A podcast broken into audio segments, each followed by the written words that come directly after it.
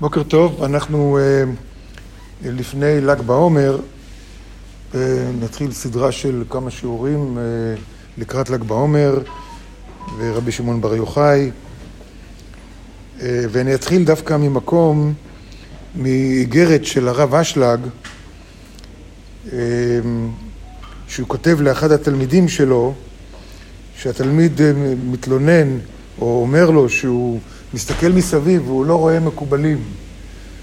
אה, לא רואה מקובלים. הוא כותב לו ככה הרב אשלג. מה שכתב, הוא אומר לתלמיד, מה שכתב שאינו רואה בזמן הזה מישהו מקובל. הוא לא רואה בימים שלנו איזה מקובל. אתמהה, אני תמה. איך אפשר לשב בסביבה מוגבלת ולראות בכל העולם?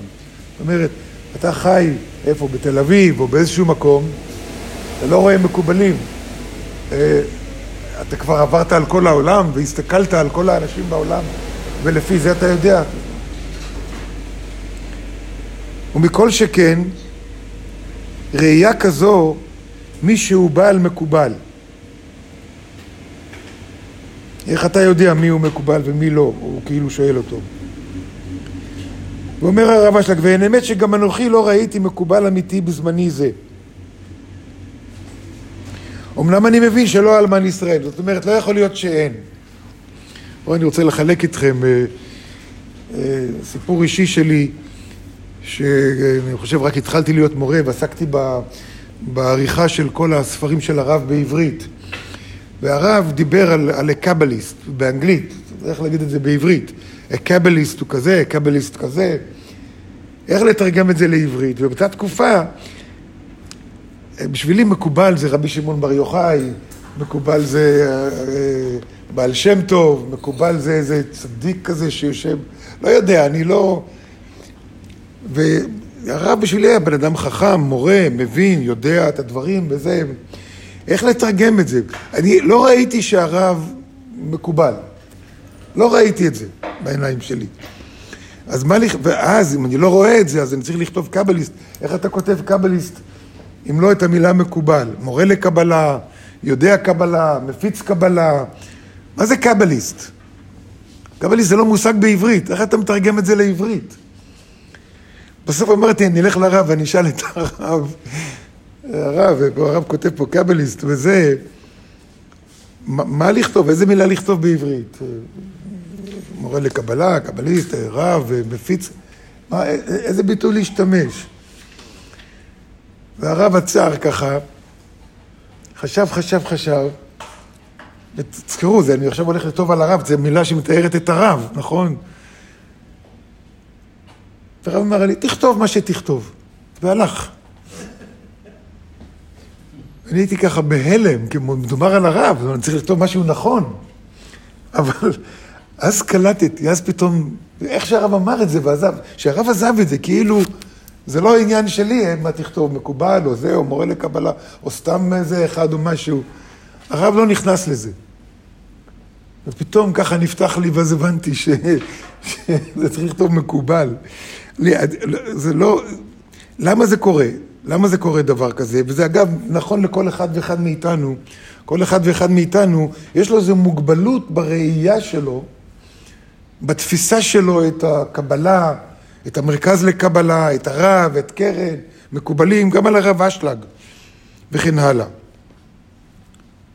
אבל הוא כותב פה הרב אשלג, אין לך דור שאין בו כאברהם, יצחק ויעקב. אין לך דור שאין בו את משה רבנו, הזוהר בעצמו כותב את זה. ואז הוא, הוא, הוא כותב לו בהמשך, שהוא כותב, התלמיד כאילו כותב לו שהוא ראה את הצדיקים אה, לפני זה, בדור הקודם, כל מיני צדיקים. אז הוא אומר, כן, אתה אומר על הרבי מפוריסוף ומקלישין, שיש להם מדרגה כזאת. אבל תדע לך, אי אפשר לראות שום מדרגה ברבותיו, מה שעדיין לא זכה בה בעצמו. זה המפתח. אף אחד לא יכול לראות בזולת איזושהי דרגה גבוהה, אלא אם כן הוא בעצמו זכה לדרגה הזאת, או לפחות למשהו מהדרגה הזאת. זאת אומרת, מלוא ההיקף של הרב, למה לא ראיתי שהרב מקובל? הייתי בסך הכל שנתיים תלמיד קבלה, וכבר חצי שנה אולי מלמד קבלה, שבכלל למה נתנו ללמד קבלה, אני בכלל לא קולט. אז, בטח לא במודעות שהיה לי אז, ועוד מורה יחיד בארץ על שלושה סניפים, מטורף לגמרי, אתה היית תלמיד שלי אז, נכון?